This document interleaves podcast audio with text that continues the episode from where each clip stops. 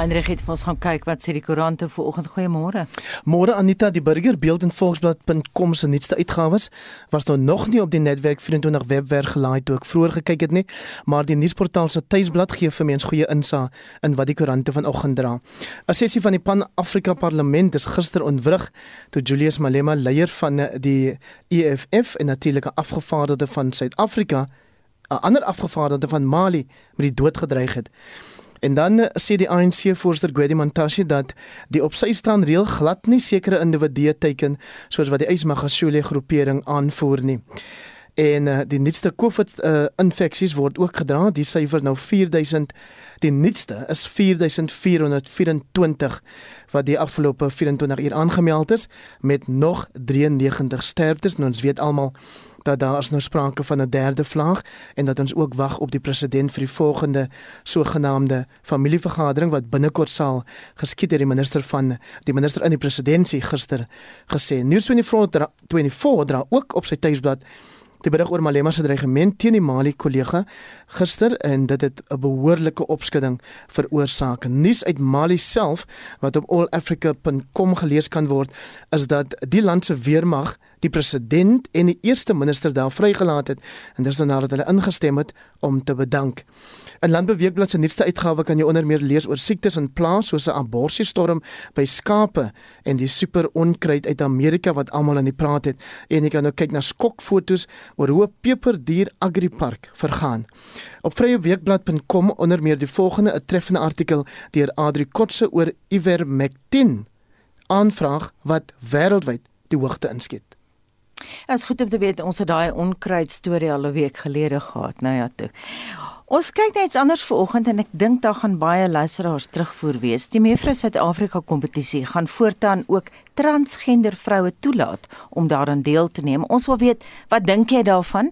Stuur 'n SMS na 45889. Dit kos R1.50 of gaan na facebook.com vorentoe skynstreep ZRC of WhatsApp vir ons stemnota na 076 536 6961 076 536 6961 maar intussen sê Heinrich vir my hy het reeds terugvoer gekry en dis nou op Facebook. Wipper wipper daarvan op Facebook Anita ons SMS terugvoer kom gewoonlik nadat ons die vraag ja. bekend gemaak het op die lig.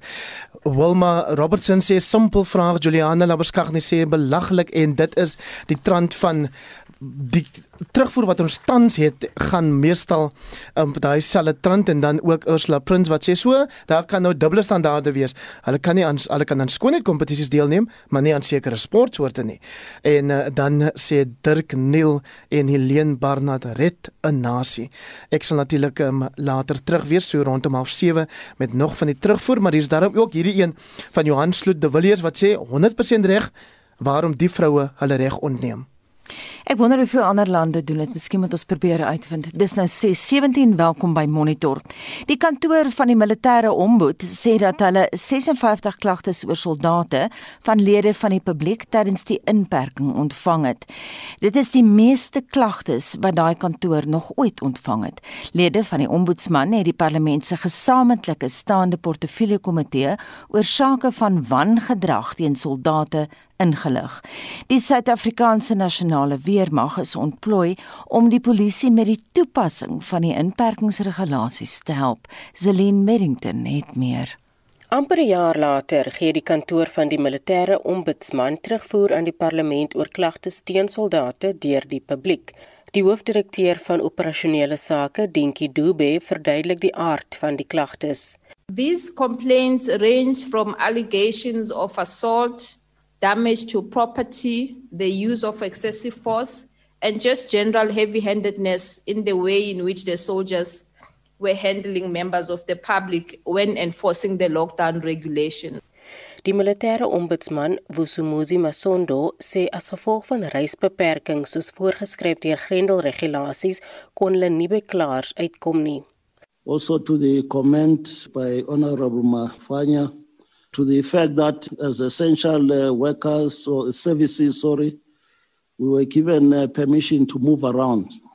It may be true to some extent, but it should be understood uh, against the backdrop of the fact that in as much as uh, perhaps we could move around in uh, and all that, but it was uh, difficulty to move into other provinces. But that movement around would also entail our accessibility to the complainants and all, which would have been a very complicated factor. Dube sê 70% van die sake is afgehandel.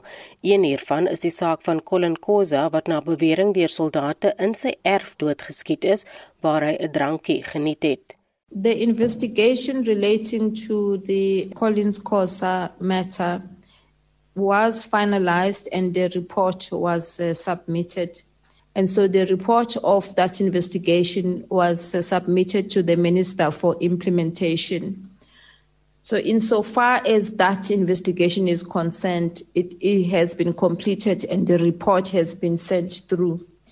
So, there is no any outstanding case relating to the Collins Cosa that still requires to be investigated. Dit was die hoofdirekteur van operasionele sake in die kantoor van die militêre ombudsman Dinkie Dube, Zelin Merrington parlement.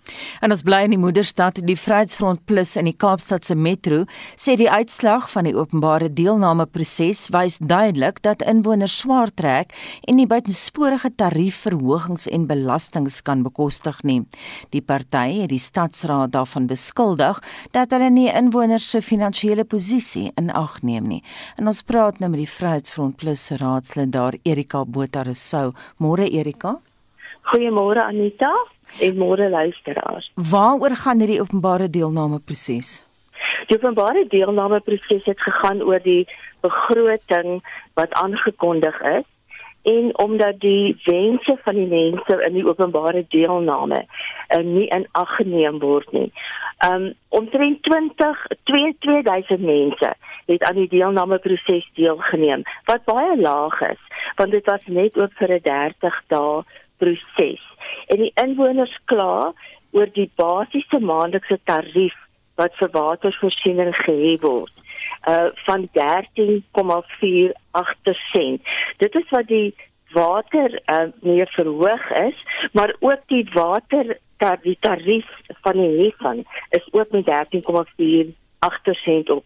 So wat die mense vra is skrap die waterheffingstarief en kom die mense in die metro tegemoet.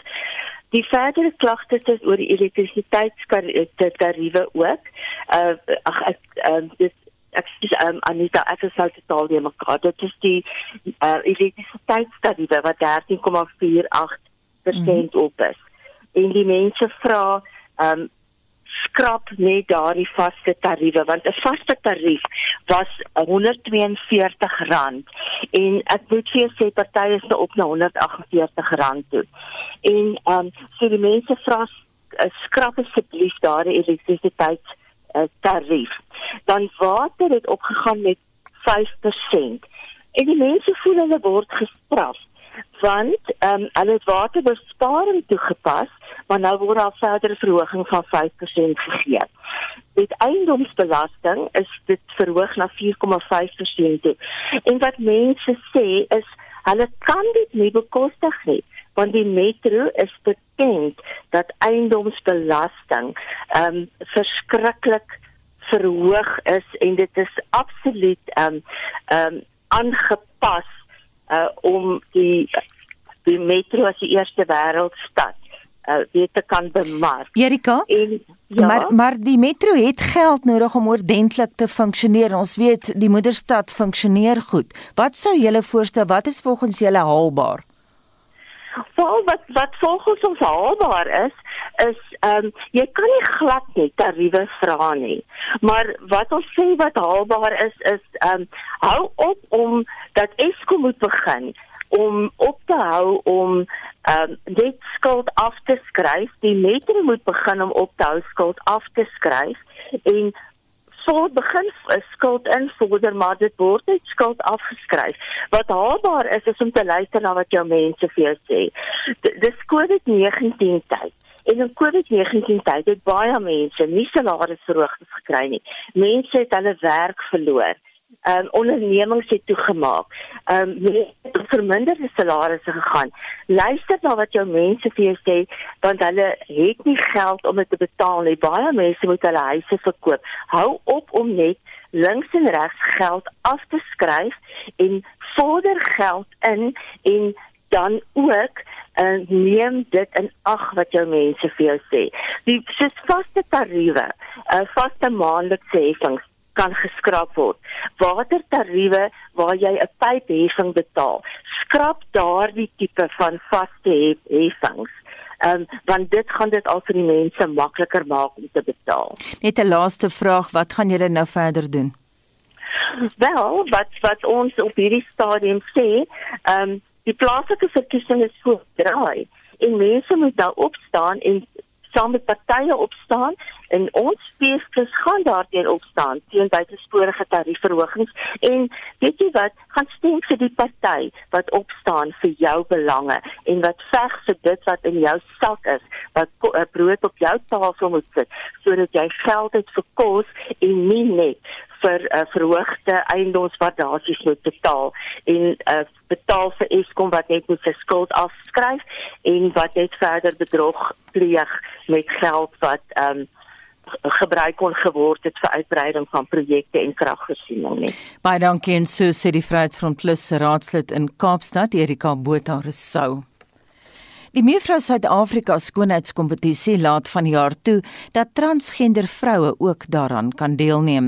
Die organisasie het van die jaar se kompetisie Maandag op sy webruimte bekend gestel. Die uitvoerende hoof van die kompetisie, Stephanie Wheel, sê haar maatskappy het die regulasies reeds in 2019 verander. Mitsi van der Merwe het meer. Die uitvoerende hoof van die kompetisie, Stephanie Well, sê dit is belangrik om transgender vroue in die hoofstroom te kry. When we took over the pageant, Wheel Entertainment, when we took over in 2019, it was one of the first rules we changed. And I think that the process of really showcasing it has become quite an agenda of ours to showcase inclusivity and diversity. And that's been in the making for three years to really build that up to this point. Die eerste transgender vrou het in Desember 2018 aan die Mevrou Heelal kompetisie deelgeneem. Angela Pons het Spanje verteenwoordig.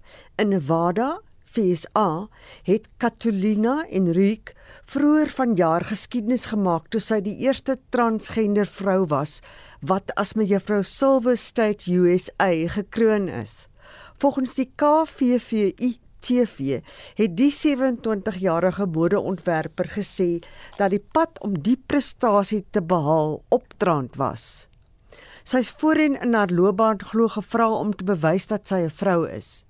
Enrique het na die oorwinning genoem dat dit 'n belangrike ondervinding vir haar was, maar ook 'n viering vir die vroulike geslag en diversiteit is, terwyl dit bloot ook net 'n viering is vir die individu om hulle self te kan wees. Terug in Suid-Afrika sê die uitvoerende hoof van die Mevrou Suid-Afrika byeenkoms dat presies dieselfde reëls vir almal geld wat deelneem. The only thing that the rule states is that your identity document shows you as a female.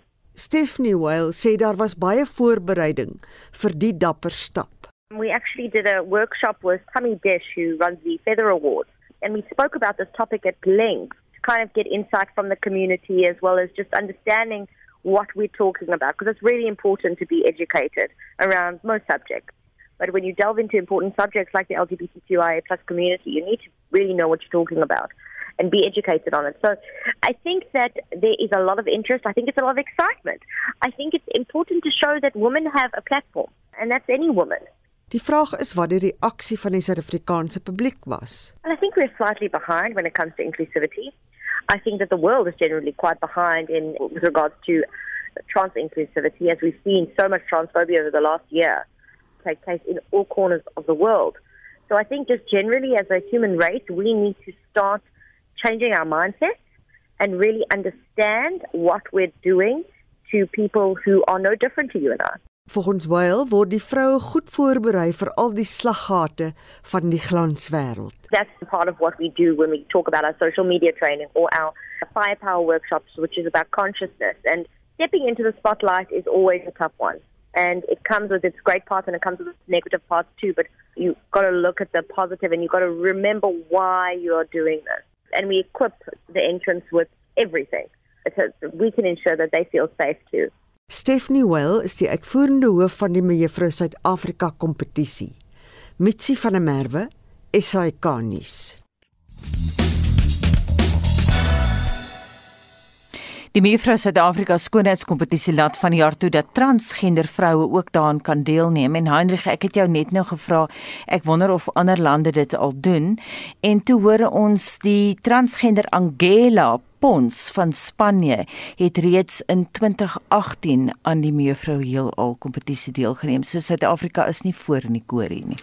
Mens wonder hoe aanvaarbaar dit daar is Anita want uit die terugvoer wat ons kry klink dit nie asof ons luisteraars in elk geval dink dit is 'n goeie idee nie. Rencha Maslow Marsdorp sê nee, wat skoonheidskompetisies oor die algemeen is 'n pot snert. Wanneer dit een van daai world peace dames ooit verandering in die wêreld meegebring, dit was en sal altyd net 'n kompetisie wees wat oppervlakkigheid aanhoud, dit is die mening van Rencha. Stephanie Botha sê wat 'n grap. Nou gaan nog minder mense kyk en Elise Kotse wat sê, "Ai, hoe het ons ou volk tot hier gekom? Al die pad afdraand met die bus. Nou is daar geen keer meer lyk dit my. Die vervalle is so opsigtelik en daarom dat dit deesdae so sleg gaan oralste." François Novel het 'n ander mening. Hy skryf, "Hoekom is dit siek? Hoekom is dit om ek gebruik nou maar die woord om van naar te word?" Hoe affekteer dit jou lewe persoonlik dat jy nog dat jy dit nodig vind om transgender mense so af te breek, af te kraak en te verneder deur die lelikste kommentaar wat ek in 'n lang tyd gelees het. Hierdie land gen niemand niks as dit nie ooreenstem met jou persoonlike opinie of smaak nie. Transgender mense is net soos ek en jy hal asem huil, lag, word kwaad, word bang en deel hierdie land met die res van ons. Wat as jou kind eendag transgender is, gaan jy vir hom of haar sê dis om van naar te word? Soos almal die Bybel aanhaal, sal 'n mens sweer transgender mense is van die duiwel af. Julle comments maak my siek dat mense van Suid-Afrika so neerhalend kan wees op iemand anders en niemand niks genie. Die kommentaar van François Novel waarmee Audrey May Cunningham saamstem. Aan die einde van die dag sê sy gaan dit oor respek vir die ander persoon. Nou verstaan ek hoekom 'n sekere kerk so verdeeld is. Glo my, ek is 'n vrou gebore met genoeg vroulike hormone, maar my standpunt is onder hierdie son is elkeen geregtig om sy lewe te lei soos wat hy voel. Toekas se tyd is verby. 45889 Dit is waar jy vir ons SMS kan stuur met jou kommentaar teen 150 elk of praat gerus saam op ons Monitor en Spectrum op RSG Facebookblad. En nou beweeg ons na die sportveld met Shaun Jooste. Ons begin vanoggend se verslag met rugby nuus. Die WP Rugby Unie het gister bevestig dat die voormalige kapteins Dion Fourie en Jean de Jong in Julie na die Kaap sal terugkeer. Beide spelers het al meer as 150 wedstryde vir die WP en Stormers gespeel. Die halfeindstryde in die Varsity beker reeks word vandag by Tikkies se sportgronde beslis. Tikkies meet vanmiddag 5uur teen Maties en die UCT Aikies vanaand 7uur teen die Noordwes Arende kragte. In die derde ronde van die Trans-Tasmaanse Super Rugby reeks stakel die Hurricanes en Force mekaar net na 9 in Wellington. Môreoggend kort na 7 kom die Waratahs in Sydney teen die Crusaders, die Blues kwart oor 9 in Auckland teen die Brumbies en die Reds 11:45 in Brisbane teen die Chiefs te staan. Die Highlanders en Rebels pak mekaar Sondagoggend 7uur in Dunedin. In die vierde ronde van die vroue Suid-Afrikaanse Premier Divisie speel die Haie môreoggend 11:30 in Durban teen die WP Die grens die middag 2 uur in Oos-London teen die Boland en die OP ook 2 uur in PE teen die Bloubulle. Tennis. Onthou gerus dat die Franse Ope Sondag op Roland Garros afslaan. Die wêreldnommer 3 Rafael Nadal van Spanje beoog om sy 14de titel in Frankryk te verower, terwyl die Poolse tiener Iga Swiatek dit 2 in 'n ry wil maak. Die wêreld se voorste manspeler Novak Djokovic van Servië, Nadal en Roger Federer van Switserland is aan dieselfde kant van die loting en kan mekaar in die kwart en half eindronde spak. Suid-Afrika se Lloyd Harris kom in die eerste ronde teen die Italianer Lorenzo Sonego en Kevin Anderson teen Sun Woo Kwon van Suid-Korea te staan. Spelenies. 'n Groep van 64 Suid-Afrikaanse atlete is vir die Olimpiese spele in Tokio in Japan bekend gemaak. Name wat in die eerste groep ingesluit is, is Akane Simbine, Raswal Samai, Gerda Steyn en Erwet van Sail. Die fietsryers Ryan Gibbons en Ashley Moorman Peso en die mans en vroue hokkiespanne het ook die groep gehaal. 'n Spanopdatering sal vroeg in Julie gemaak word. Wade van die Kerk en Caster Semenya kan nog nie vir die spele kwalifiseer nie. Sokker. Die Europese Kampioenligga trofee kry 'n nuwe tuiste wanneer die Engelse klubs Manchester City en Chelsea mekaar môre aand 9uur in Portugal die stryd aan sê. In die DStv Premier League het Orlando Pirates gister 1-0 teen AmaZulu geseëvier. Marokko Swallows en Mamelodi Sundowns draf môremiddag 5uur en TS Galaxy en Pirates sonoggemiddag 3uur teen mekaar op die veld uit. Al ag lei van Egipte en Berkane van Marokko pak mekaar vanaand 6uur in die Afrika Superbeker eindstryd in Doha in Qatar. Op die golfbaan is die Amerikaner Jordan Spieth en Spanjaard Sergio Garcia op 7 onder die gesamentlike voorlopers na die eerste ronde van die Charles Schwab uitdaging in Texas. Suid-Afrika se Dylan Fratelli is gesamentlik 69ste op 2 oor. Die verdedigende kampioen Bernd Wiesberger van Oostenryk en die Engelsman Richard Bland op 5 onder is twee van die vyf spelers wat die voortou na die eerste ronde van die Made in Denmark toernooi geneem het. Herren Porteus vaar die beste onder die Suid-Afrikaners en is gesamentlik 21ste op 2 onder. In vroue golf het Suid-Afrika se Ashley Buy haar tweede ronde wedstryd by die Pytjiespel toernooi in Las Vegas met 1 punt, 9.5 teenoor 8.5 teen Brooke Henderson van Kanada gewen. Haar laaste groepswedstryd is vandag teen die Amerikaner Jenny Coleman. En die twee Suid-Afrikaners Leon Luthwaite en Cassandra Hall neem die naweek aan die Italiaanse Ope op die vroue Europese toer deel. Laastens in motorsportnuus. Die MotoGP seisoen word hierdie naweek op Mugello in Italië voortgesit. Sondag se wedren begin die middag 2 uur. Shaun Schuster, SAK Sport. Die voormalige finansiële hoof van Transnet, Anoy Singh, het toegegee dat hy 'n belangrike rol gespeel het met die aanstelling van transaksieraadgewende kontrakte waarby McKinsey en die Gupta onderneming Regiments betrokke was. Singh sê hy was onbewus dat Salim Essa, 'n medewerker van die Guptas, terugbetalings deur McKinsey se ooreenkoms met Transnet gekry het. Singh het op vrae gereageer tydens die staatskapingsondersoek in Johannesburg. Singh se getuienis kom enkele dae nadat die internasionale konsultasieagentskap McKinsey ingestem het om 870 miljoen rand se adviesgeld wat hy van Transnet verdien het, terug te betaal. Die kommissie het gehoor dat tot 49 miljard rand van belastingbetalers geld deur die Guptas gewas is deur die staatsondernemings se ooreenkomste. I guess we would need to define instrumental but yes I did play a role in appointing McKinsey. Uh, and you would accept, even if you might not be sure what instrumental, you would accept that you played a significant role. Well, Mr. Chair, there was a business need that was required, and uh, the need required for us to appoint advisors to be able to to satisfy that need, and the advisors happened to be McKinsey. Singh het ontken dat hy onbevoeg was of deelgeneem het aan die plundering van ongeveer 3,5 miljard rand deur die Guptas by Transnet. Mr. Chair, again, if it comes to my competence or otherwise, I would suggest to say that it is not incompetence uh, on my part. Uh, if it was incompetence on my part, I would assume that Mr. Uh, Molefe would have said that when he came and gave evidence. And I don't think he actually indicated in any way, shape, or form that that was the case. Secondly, Mr. Chair, in terms of it being my incompetence. At the end of the day, these transactions were not approved by me alone. I did not originate these transactions alone. Neither did they conclude these transactions alone.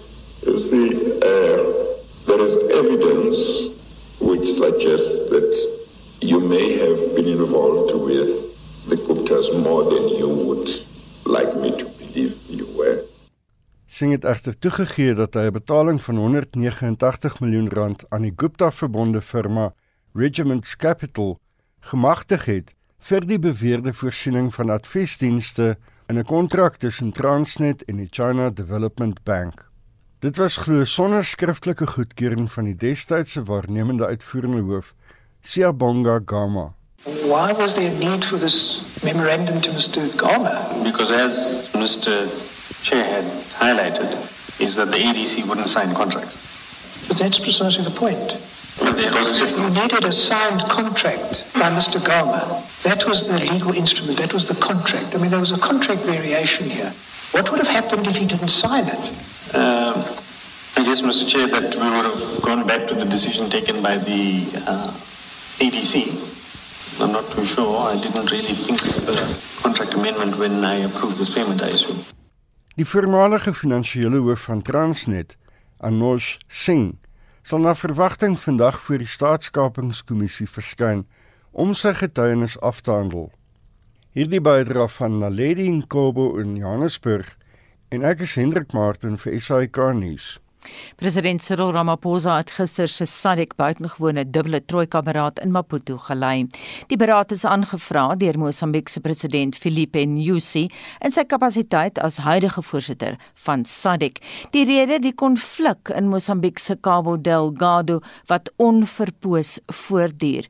Mense wat wil vlug kla nou by die BBC dat sekuriteitsmagte padblokkades om en by die dorpie Kitunda naby Palma opgerig het en hulle eis omkoopgeld van die ontworteldes.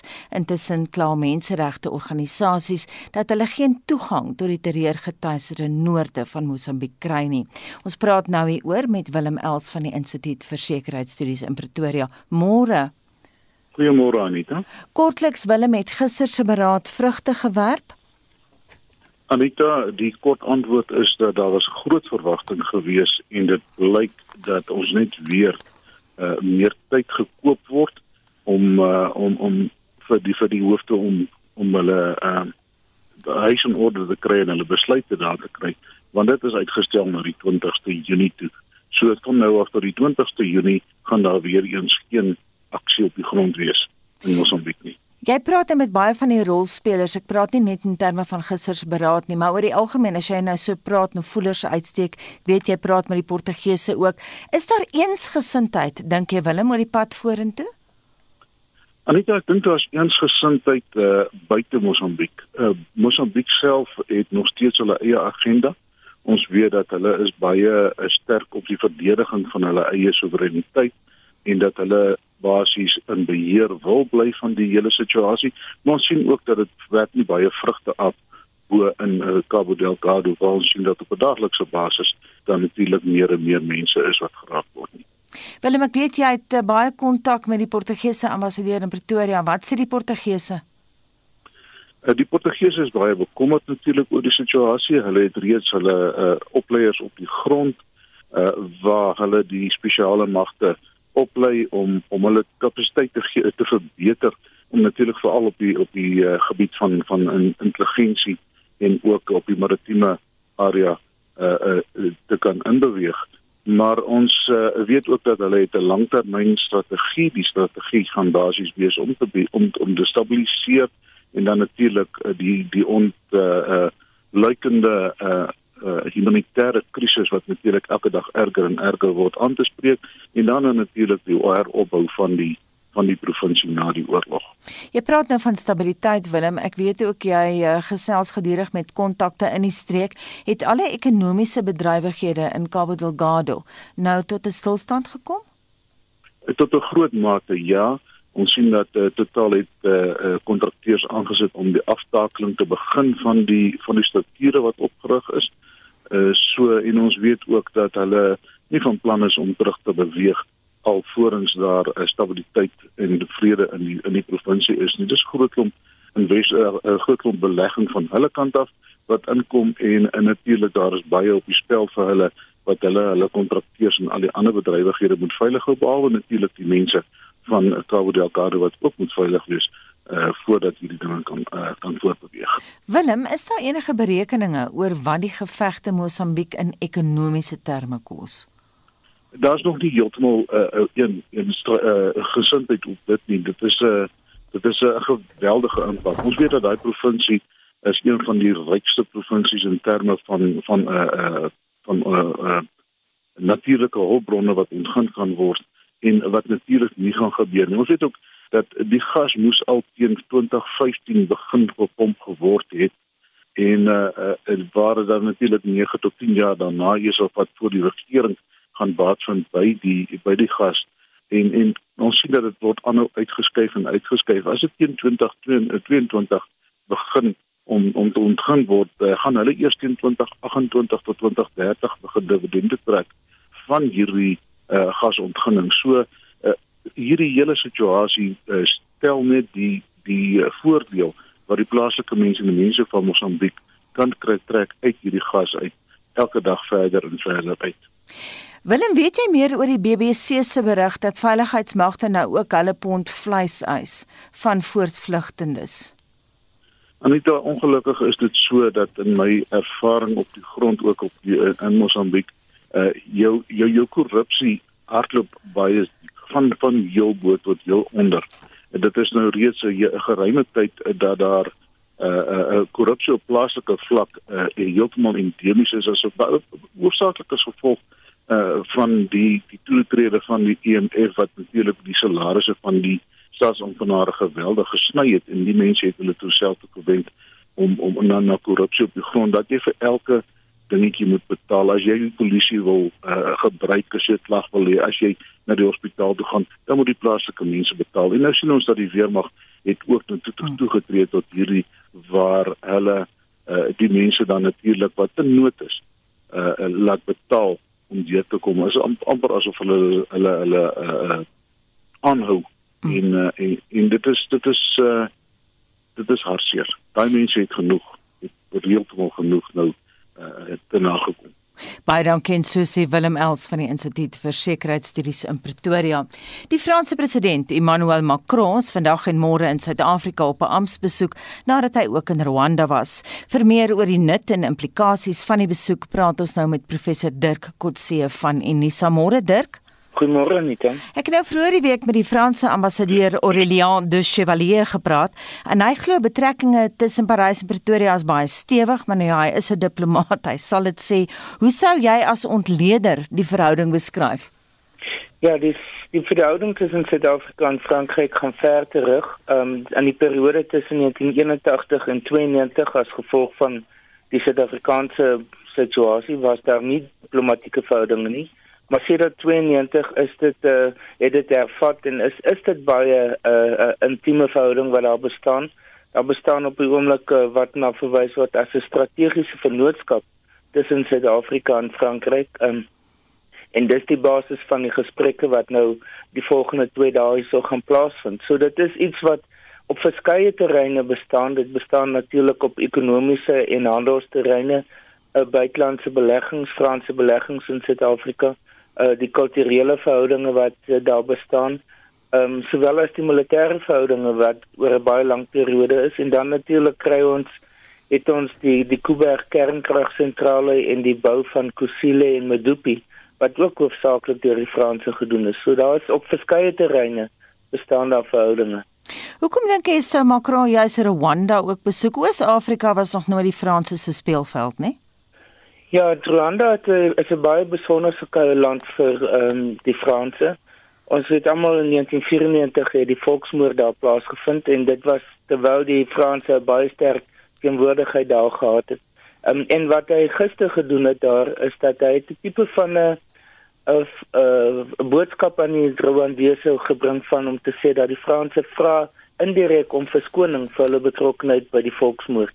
Ehm um, dis iets wat nou oor 'n lang tyd ontwikkel het en eintlik baie problematies geword het in die verhouding tussen die Franse en Rwanda. En mens moet onthou dat uh, Rwanda was oorspronklik 'n Franssprekende land geweest en dit was eers nou onder die bewind van uh, president Kagame dat dit omgeskakel is na 'n Engelssprekende land. So dit kom uit 'n baie sterk Franse tradisie uit. Daar net terug na Parys en Pretoria. Jy het nou gesê die vennootskap is strategies van aard. Wat Suid-Afrika betref, wat sou die Franse uit hulle besoek hier wou hê? Wel, daar is verskillende aspekte wat ter sprake gaan kom. Wat baie prominent is, is dat dit gaan oor die die pandemie en die onder andere die vervaardiging van uh uh inentingsstowwe. Daar gaan vandag gaan hulle na die Universiteit van Pretoria toe, na die wat genoem word die Vaccine Production Support Initiative for Africa uh, wat daar beaandui dat hulle wil kyk nou ook hoe om die uh, COVID-19 uh, inentingsstowwe te kan beskikbaar stel vir 'n groot deel van die Afrika kontinent. So dis 'n belangrike fokus. Daar's ook 'n fokus oor die uh, ons weet dat binne omtrent 2, 3 weke gaan Suid-Afrika deel wees van die byeenkoms met die G7 um, in Brittanje en uh, Frankryk is nou die enigste land van die G7 wat met Suid-Afrika vooraf uh, samesprekings voer. Um, op uh, die 18de, nou bietjie meer as 'n week gelede was president Ramaphosa saam met 30 ander Afrika staatshoofde ook in Parys gewees om te praat oor die finansiering van Europese ekonomieë. So daar's 'n meer en meer regte verhouding wat tussen Suid-Afrika en Frankryk ontstaan en ek dink hierdie uh, geleentheid is daar om baie van hierdie aspekte verder te neem. Kort hierna gaan die G20 ook bymekaar kom en mm. Suid-Afrika en Frankryk is ook deel daarvan. So daar is definitief 'n dialoog wat aan die ontwikkel is tussen Frankryk en 'n hele klomp ander Afrika lande, maar spesifiek Suid-Afrika. Ehm um, dit het ook te maak met dit dit waarvan jy nou net van tevore gepraat het, die veiligheidssituasie. In Mosambiek is waarskynlik een van die punte wat baie ter sprake gaan kom. Mm. Omdat ehm um, die die totaal en ander maatskappye in, in Mosambiek is natuurlik Franse maatskappye. Ja, monsieur de Chevalier sê die faksiegevegte binne die ANC pla hulle nou nie juis nie. Daar's soortgelyke eh, soortgelyke gevegte in Frankryk. Maar weer eens, jy weet sy nering is diplomatie. Dink jy buitelandse diplomate is bekommerd oor die faksiegevegte binne die ANC? Nie soveel nie. Ehm um, ek dink spesifiek die Franse, ehm um, hulle is baie pragmaties as dit kom by die politiek en diplomatie. Ehm um, hulle funksioneer in omstandighede wat baie meer problematies is as Suid-Afrika dink byvoorbeeld in Wes-Afrika, Sahel, Mali wat baie meer onstabiel is en hulle het baie sterk teenwoordigheid daar. Uh ander lande soos Madagaskar wat ek nou persoonlik mee kontak gehad het, en was ook baie onstabiel, maar die Franse het 'n baie sterk verhouding met hierdie lande. Mm. So hulle het oor tyd die ervaring opgebou en die diplomatieke kundigheid ontwikkel, sou ek sê om ook met lande wat nie noodwendig baie polities stabiel is nie te kan funksioneer. Ons is eintlik een van die maklike lande om mee te funksioneer um, gegee die politieke en uh, ekonomiese infrastruktuur wat hier bestaan. So vir die Franse dink ek is dit geen probleem nie. Net laastens, hoe belangrik is Suid-Afrika op die kontinent vir die Franse, gegee hoeveel invloed hulle nog in die ou kolonies het? Jy weet die voormalige Algerynse ambassadeur het verlede jaar vir my gesê dat die Franse nog baie aktief in Algerië is. Hulle het nog baie invloed daar. Hoe belangrik is Suid-Afrika dan? Wel, Suid-Afrika is die grootste handelsvennoot van Frankryk in Afrika. Ehm um, in Frankryk is vir Suid-Afrika die tweede grootste belangrikste handelsvennoot in die Europese Unie. Brittanje is, is groter, maar die ander verder is Frankryk die grootste. In terme van buitelandse beleggings is Frankryk nie nou nie noodwendig die nommer 1 of 2 nie. Ons nommer 14 in terme van beleggings in Suid-Afrika buitelandse beleggings. Maar dit ehm um, wat ek in die begin genoem het die strategiese aard daarvan byvoorbeeld die feit dat hulle nou weer betrokke is by Kuiberg, die opgradering van Kuiberg om sy lewensduur te verleng, uh, voorheen die bou van die Gautrain spoorlyn in uh, hier in Gauteng, um, en ander verskeie aspekte die militêre kom, uh, komponent daarvan. Dit alles dra by tot dat Frankryk 'n baie strategiese uh, verhouding met Suid-Afrika het en, en dit maak dit baie belangrik. Baie dankie en so sê professor Dirk Kotse van Unisa se departement politieke wetenskap. Heinrich Anita hier se boodskap van uh, Esther wat sê die soort vraag van vanoggend naamlik die deelname van transgender vroue ook aan die Mevrous Afrika kompetisie die gee mense 'n geleentheid om 'n mening te gee. Ongelukkig is partymenings so kwetsend en dis jammer en ek kan getuig daarvan dat baie van die boodskap gaan 'n mens doodgewoon net nie kan lees op die lig nie.